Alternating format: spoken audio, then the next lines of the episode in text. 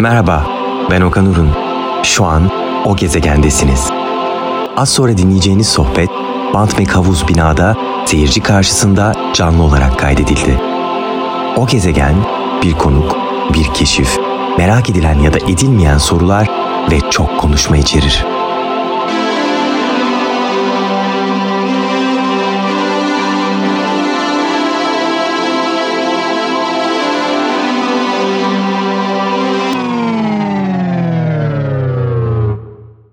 Enter mode. Allah'tan YouTube'da yayınlanmayacak bunlar. Podcast dedik de podcast bile olmaz herhalde bu. Human Fantezi dışında kimse kimseyi arkadan kelepçelemesin ya. perform. Mikrofonumuz efendim. Sevgili oyuncu, yazar, yönetmen Ayça Damgacı.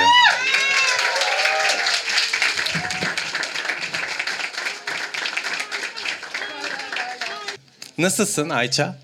İyiyim yani hani çok değişkenim. Yani beş dakika önce çok kötü, birden insanları görünce hayat çok güzel falan öyle bir değişkenlik içerisindeyim. Yani ay- aynı sene içinde bir sürü korkunç şey yaşadığımız için olabilir mi? Olabilir herhalde yani e, kesintisiz olarak kendimi bu kadar uzun süre kötü hissettiğim bir yıl hatırlamıyorum ben de.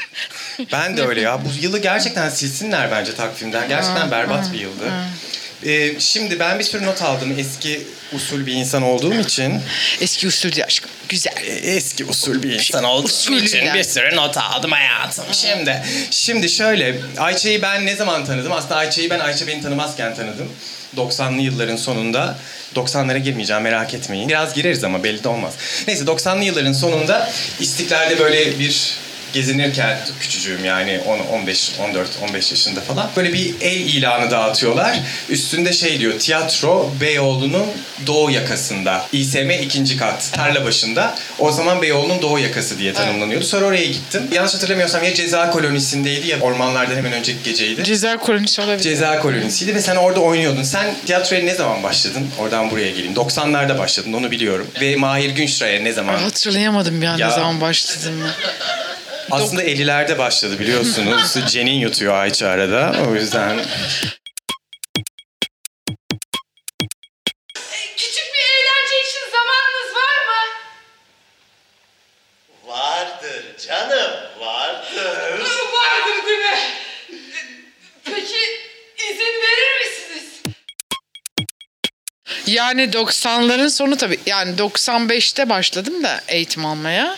98'de tiyatro oyun evinde çalışmaya başladım. orası 98 miydi açılışı? Yani ilk böyle e, Ankara'da tren garının karşısında çadırda Cumhuriyet'in kaçıncı yılı? 98 yılı. Kız o kadar eskilere mi gideceğiz şimdi 90'larda? Aşkım öyle Cumhuriyet'in 80. yılı o, şerefine böyle bir çadır madır kuruldu. Don Quixote falan oynadık. Yani öyle başladı her şey. Sen peki böyle küçüklükten ay ben tiyatro yapmam gerekiyor falan diyen bir insan Nefret mıydın? ediyordum tiyatrodan. tiyatrodan Ha, ben. bakın buradaki herkes nefret Evet, ediyor bu arada tiyatrodan.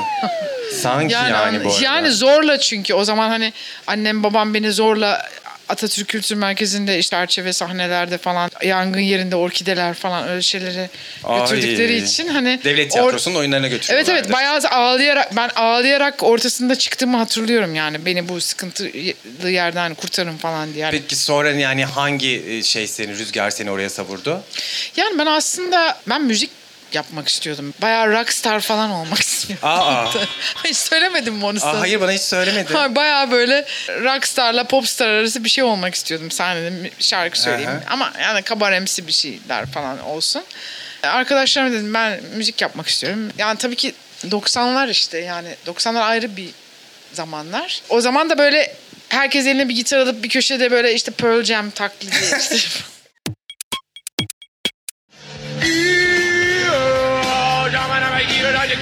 Please don't quit yet, Michael. Oh yeah. Rage Against the Machine falan. Ama o Çok zaman bayıldım. her köşede bir şey var. Bak Evet, 90'lardan bahsetmeyeceğiz dedim iyi ki bu arada ya. Bayağı 90'lara girdik. Ya neyse işte öyle onlara böyle vokal yaparak falan filan hani derken e, sonra ben maalesef iktisat okuyordum o zaman. Ay. Evet iktisat fakültesinden kaçmak Ben için. senin matematiğin de iyi olduğunu bilmiyordum. Ya neyse. o iktisat fakültesinden kurtulabilmek için tiyatro kulübüne sığındım yani her gün okula gidiyorum bari Aha. o derslere girmeyeceksem bari şey kulüp işte o zaman öğrenci kültür merkezi vardı meşhur ÖKM sahnesi. Aha. ÖKM'ye gittim orada ne, ne yapayım sinema kulübü var falan yok tiyatro kulübü daha eğlenceli görünüyor falan öyle girdim sonra oradan baktım ki orada da böyle bir avantgard işler yapmaya çalışan aşırı madi ama bir şekilde kafası iyi çalışan bir yönetmen vardı işte öğrencileri çalıştıran şu bu. Onunla böyle baktım ben sevdim bu işi ya hani sanki benden oyuncu olabilir galiba falan gibi bir hisse kapıldım. Sonra oradan işte Şahika'ya gittim stüdyo oyuncularına. Hani birazcık daha ciddi bir eğitim falan alayım Peki diye. sana bir şey söyleyeceğim. Şimdi geriye dönüp baktığında yani iktisattan asla para getirmeyecek tiyatroya geçtiğin için pişman mısın? Şu anda pişmanım biraz evet Çok ama. önemli bakın. Evet. Geçen bayağı İş Bankası'na para çekmeye gittim. Gıptayla baktım memura böyle. Yakında o memurun yerinde de artificial işte intelligence falan olacak. Gerçekten bazen kendimi çok vasıfsız hissediyorum oyuncu olarak. Yani özellikle deprem olduğunda berbat hissettim. Ee, o çaresizlik hissinde herkes bir şeyler yapıyor ya işte yardım topluyor, doktor olan oraya gidiyor bilmem ne. Hani biz ne yapacağız? Hiç böyle. Ama yani mesleğin alanında bir şey yapmak zorunda da değilsin. Yani Tabii ki, yani, tabii, tabii, ki, tabii, evet. ki. Ama yine de şey diyorduk sonrasında bize düşen görevler sonrasında bir 6 ay 7 ay geçsin işte falan. Ama hani gerçekten kendimi çok olduğu anda benim vasfım, benim işlevim ne bu hayatta falan gibi şeyler Ya sanırım o, Düşündüm o, yani. o- o- olay deprem olayı herkesin her şeyini sorgulattı yani zaten Hmm, evet. belki de yani zaten öyle olması gerekiyor. Şeyi soracağım sana şimdi biraz oradan ona daldan dala falan atlıyorum ama yani nasıl olsa e, Yok, geliriz problem diğer konulara. Şimdi dizileri bir tarafa bırakıyorum. Senin film serüveninde özellikle iki tane şeyden bahsetmek istiyorum. Biri gitmekten, biri de Patrida'dan. Çünkü ikisinde de aslında şöyle bir şey var. Sonra senin söyleşilerinde, hayatta konuşmalarımızda da hep karşıma çıkan bir şey bu. Sen bir hikaye anlatmak istediğin zaman hani "Üf, ben oyuncuyum, önüme hikaye gelsin falan gibi bir sabrın olmuyor. Mesela çok da güzel bir şey bu.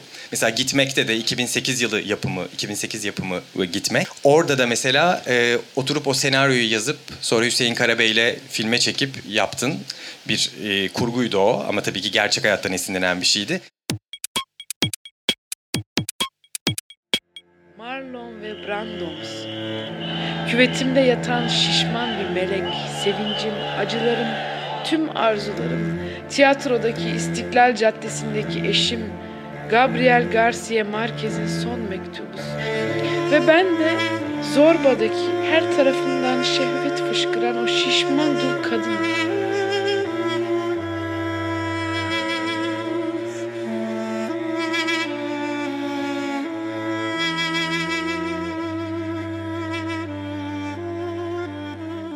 My love, Aita. I miss you. I really miss you. And they say the war will be finished soon. mezine. Fazla merak etme Allah büyüktür yani gelir yani haberleşirsiniz Hode Patrida'da da anlatmak istediğin hikayeyi işte yola koyulup bu sefer yönetmen koltuğuna oturup Tümay'la. Ne itiyor seni? Ee, sanki gitmek zamanı bana şey demiştin. Yani kimsenin bana rol gelip rol vermesini bekleyemeyeceğim demiştin yani. Ya orası öyle. Hani ya iki iki kanallı bir şey. Bir insanın içindeki yazar, senarist var yani senin de iyi bildiğin üzere. Bir hikaye anlatıcısıysan orada şey fark etmiyor. Ya tiyatro yapayım, sinema yapayım. O hikaye oluşuyor kafanda. O yani o hikayeye gebe kalmak gibi bir şey. Tam olarak öyle gebe kalıyorsun onu. O hikaye dönüyor dönüyor ve bunu oturup işte köy yerinde köy seyirlik yapıp insanlara böyle hikaye anlatıcısı gibi de anlatıyor olabilirsin. Yani tek tek medium'un oysa elindeki. Ama o hikayeye gebe kaldığın zaman bunu anlatmak istiyorsun. Bu garip içgüdüsel bir şey yani. Ve diyorsun ki daha doğrusu şöyle anlatmak istiyorsun. Neden? Çünkü kafanda kesişimsel bir şey oluyor. Ee, sadece böyle bencilce benim şahsi hikayemi dinlesinlerin ötesinde o kesişimsel şey şu. Benim hikayem dünya üzerindeki insanların çoğunun yaşadığı bir hikaye ve bu hikayeyle ilişkilenebilecek, bu hikayeden güç alabilecek, bu hikayeyle kendilerini temsil edebilecek bir sürü insan var. Bu da sezgisel bir şey. Ve o yüzden bu benim de üzerimde. Bu hikaye benim kişisel hikayem olmanın çok üzerinde. Anonim bir hikaye. Zaten ben diye bir şey yok aslında. Ben bir temsiliyetim yani. O yüzden bunun aktarılması lazım gibi bir his oluyor insanda. Patrida'da da öyle oldu. Bakıyorsun çünkü politik olarak hani milyonlarca insan bunu yaşıyor ve ben tek değilim ve hani bir çağrı gibi bir şey bu hikayeyi anlatmak.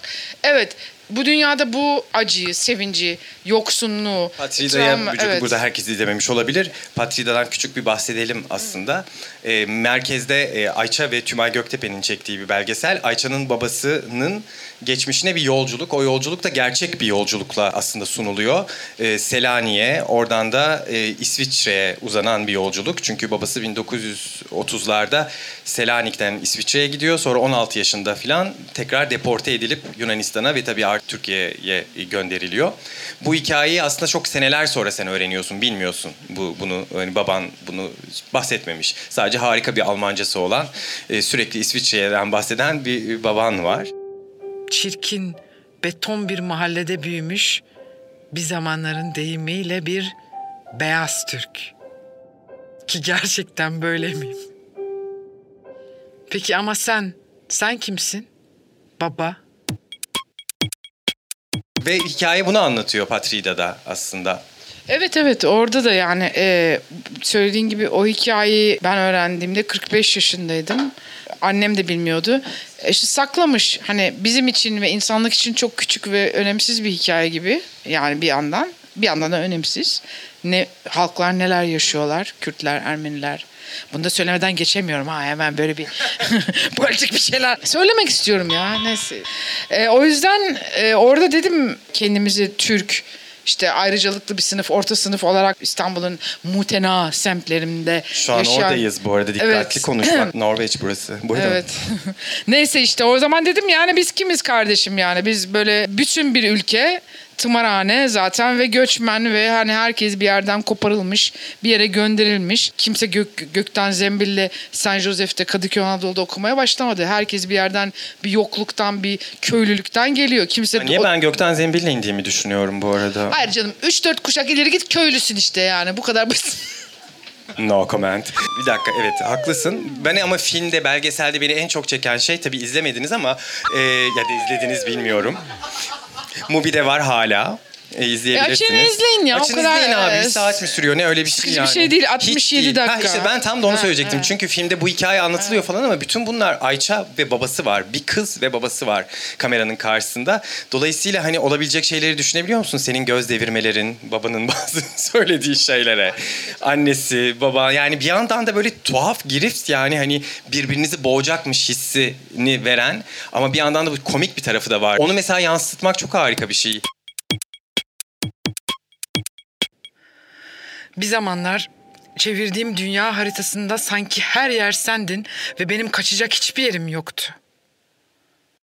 Ve şimdi ortak hayatımızın sonbaharında bir yolculuk. Senin birazcık da benim geçmişimize. Ama ilk kez, belki de son kez ben senin elinden tutmuşum. Biraz hüzün ve biraz endişeyle karışık buradayım. İşte buradayız. Patria. Edo. Güzel. Patria ya. Çok Patrida, Patrida.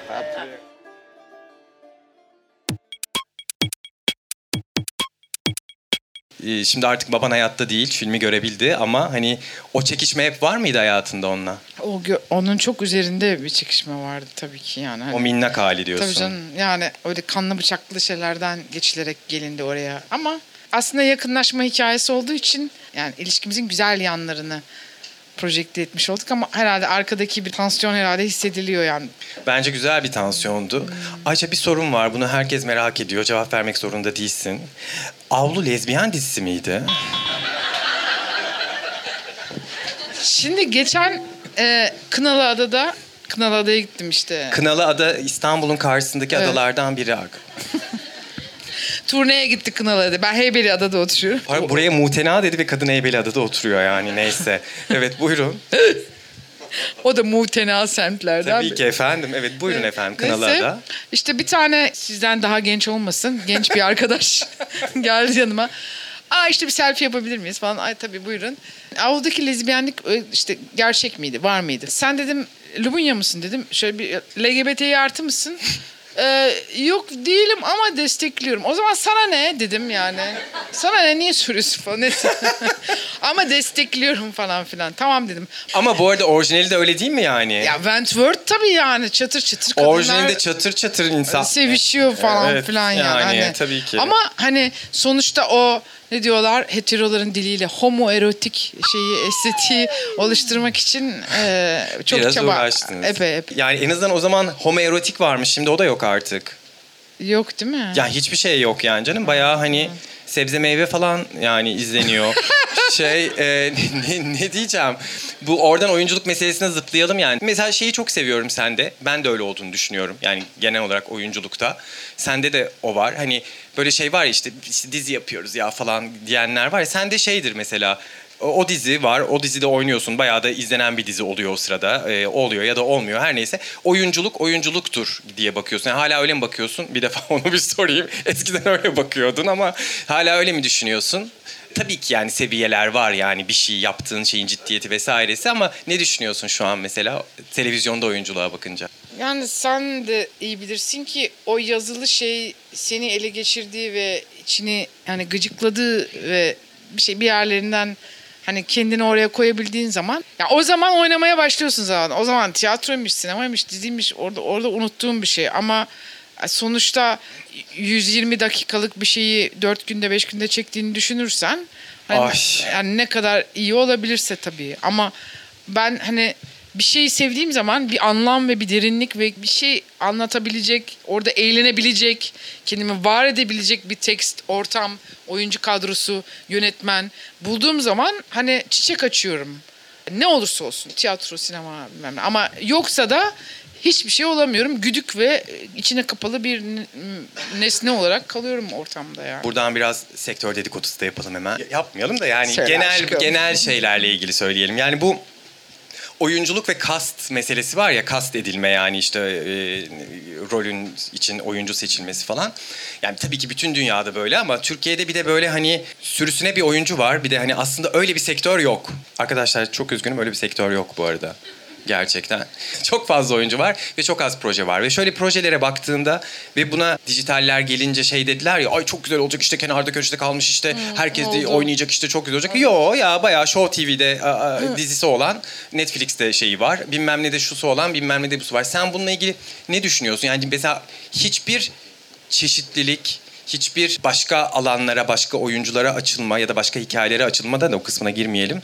e, olmadı. Ya hapsediyorlar seni. Şimdi aramızda kalsın diye bir dizide işte aile dizisi, komedi falan filan. Orada mutfaktaki tatlı, e, şişman, işte yemek pişiren, müstahdem değil de kahya falan değil de işte... e, o- İşte evin dobra e, şeyi. O zaman yani Hacivat ve Karagöz'den ileri gidilebilmiş değil yani sektör olarak.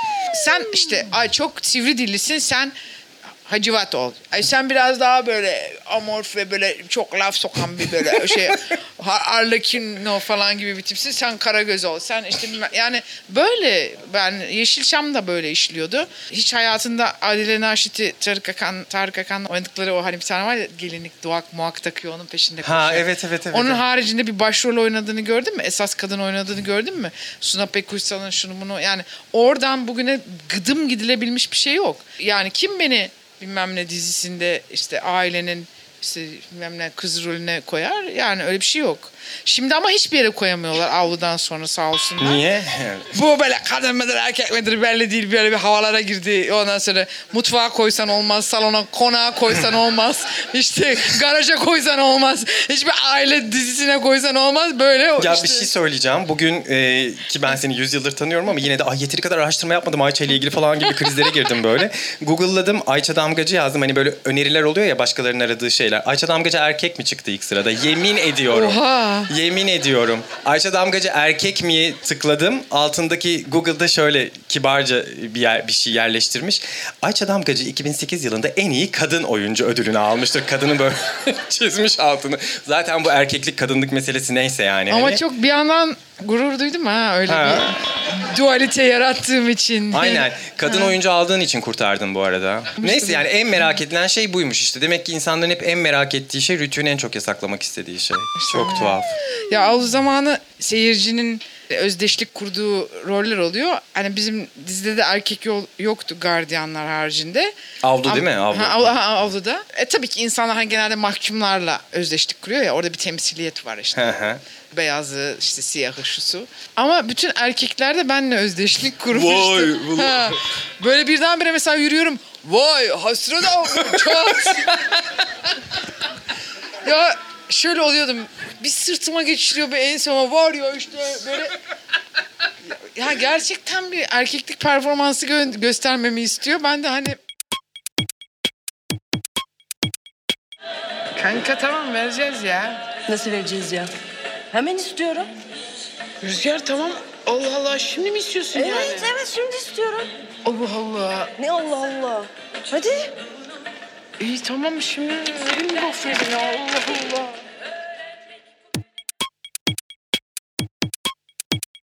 Şeye girmeyeceğim ama yine de küçük bahsetmek istiyorum. Ben Ayça'yı başta dedim ya tanıdığım zaman Ayça beni tanımıyordu diye. Ay ben askere gittim ya çok saçma. Neyse askerdeydim telefon telefon çaldı. Kısa dönemdi de Ee, şey e, bir maceram olmadı bu arada. Öyle bir şey Kusura, sezdim. ha, ba, ba, 6 aylık Yaptım gibi. 6 ay. 6 ay böyle bir telefon Özen'i arıyorum arada. Özen Yula yazar. Melis'i arıyorum bir de. Ya Melis ya Özen ikisinden biri. Dedik işte, işte dönmeme bir ay mı ne var? Sen dön dedi işte dedi. Ayça dedi e, çok sevmiş yala ama yutma oyunu. işte beraber yapacağız. Özen Özen istiyor falan filan. Döndüm ben askerden dönüp yala ama yutma diye bir oyuna başladık. Ben askerden döndüğünü unutmuşum. Lan. unutmuştun tabii. Gitmiş gibi değildim zaten. Pek. ne bileyim. Yani, evet. Bandoya verdiler beni. Ay tamam bunu anlatmak istemiyorum. Bandoya kısacık bahsedeceğim. Bandoya verdiler beni. Bölge bando komutanlığı Kıbrıs'tayım. Ben bir gittim askere. Ee, komutanlar zaten orke yani bando. Bandocu yani müzisyenler. 30 tane komutan var 20 tane de asker var. İşte oraya gittim bir tanesi dedi. Aa bir dedi sen dedi çok şanslısın dedi buraya nasıl geldin falan. Ben dedim müzisyen misin falan diyor. Yok değilim müzisyen falan. E nesin sen? İşte ben o oyunculuk okudum falan. Ha komutanın postası olacaksın sen. Dedi ben de şimdi o sırada bilmiyorum hakikaten o dili. Ondan sonra e, komutanın postası oldum. O habercisi de deniyormuş ona. Çayını kahvesini götürüyordum yani. Bir şey değil. Çünkü o işte oyuncuyum, müzik bilmiyorum diye. Öyle tatlı bir askerlik geçirdim. Paul Auster okuyordum kenarda. İşte oğlum çay getir falan diye emret komutanım falan diye çay götürüyordum. Neyse anyway. Oradan dönüp yalağıma yutmaya geçmek biraz saçma oldu tabii benim için. Oyun konusu şuydu. e, Bir melek dünyaya gönderiliyor. İşte kendini bir porno oyuncusunun bedeninde buluyor ve birini kurtarabilmek için 24 saati var. İşte porno oyuncusunu Ayça oynuyordu.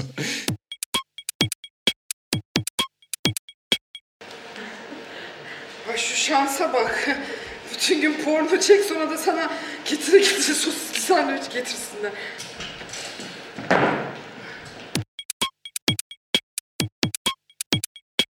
Buyurun anlatın devamını. Özetle e, bizim ülkemizde e, nasıl bir melek e, porno film setine dünyaya ardından da bir porno film setine nasıl düşer diye e, tabii ki bu olaylar çıktı. Oyun başlamadan oldu bunlar. Oyunla Evet, ilgili tanıtım evet. çıktı. Ondan sonra e, işte Ha. birileri bastılar mekanı oynayacağımız yere. Evet. Oynayamadık. Neyse sonra oynadık ama o sayede Amerika'ya falan gittik kız. Boş ver. Evet ya. Turneler neler neler. Neyse çok tiyatro konuştuk. Buradaki insanlar tiyatro sevmiyorlar bu arada. Ben, seni tanıdığımda yani bu o zamanlar hala da öyle de hani evet oyuncuydun. Zaten Gitmek filminin de bir şeyi var, söylemi var. Patrida'nın da var tabii ki. Bir de gerçekten sokaktaki aktivizm o 2000'lerin o 2008'lerden 2005'lerden itibaren aşırı derecede yoğundu. Sen bir de böyle kendini sokağa atan bir insandın hep. Şu an geri dönüp baktığında ne düşünüyorsun? Bugün sokağa çıkmakla ilgili hissin nedir? O anlamda, aktivist anlamda. Ya öyle. Biraz da sokaktan geliyorum. Ben sokakta yetişmiş bir insanım. Yani çok korunaklı, tamam beyaz Türk bir aileden geliyorum vırt cırt ama ne öğrendiysem hayatta sokakta öğrendim. Çok gurur duyuyorum ve seviyorum bunu. Ee, ve okulda yani üniversitede de hayatımda hiç Kürt arkadaşım şunun olmamıştı yani. Hiç e, trans arkadaşım olmamıştı. Ve oradan da korunaklı hayatıma devam etseydim hiç bokta olamazdım yani. İçimdeki hiçbir şeyi keşfedemezdim.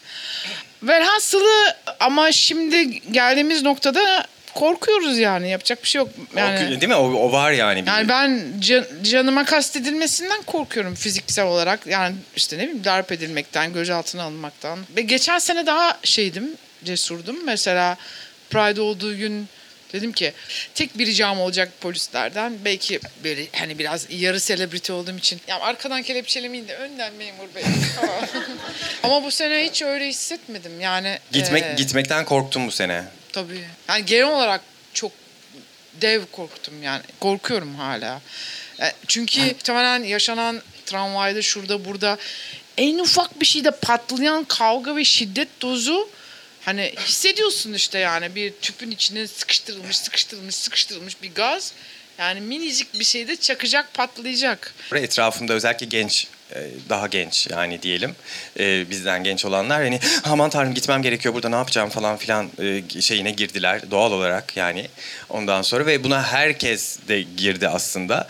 Yani bu biraz böyle bir panik ve korku yaratıyor. Evet ve herkesin gitmek istemesini ya da gitmek isteyenin gitmek istemesini anlıyorum ama biraz böyle sakinlikle de ele almak mı gerekiyor? Sen nasıl bakıyorsun buna? Yani buradan kaçıp gitme isteğine ne nasıl bakıyorsun ki sahip de olabilirsin hatta. Şöyle bir şey, bu sene özellikle sıklıkla Patrida sebebiyle festivallere gidip gelme şansımız oldu diyeyim. Ben buradan başka bir yerde yaşamayı hiç düşünmedim ama ne denir asgari müşteriklerde müşteriklerde buluştuğun bir şehirde, bir ülkede ama şehirde olmak da yüzde 50-60 oranda insanların senle yani e, ortaklık yani sana benzer olduğunu hissetmek ya çok iyi bir his ya. Aşırı sakinleştirdi beni ve burada yaşadığımız Medeni Avrupa demek istedin galiba sen. Az önce ya. öyle bir şey dedin. ya belki e, Kadıköy Arjantin- güzel o zaman ya. Tabii canım Kadıköy, ta- Kadıköy Cumhuriyeti iyi. Aynen bence de. Baksana herkes ne kadar nezih. Öyle ama yani e, o yüzden e,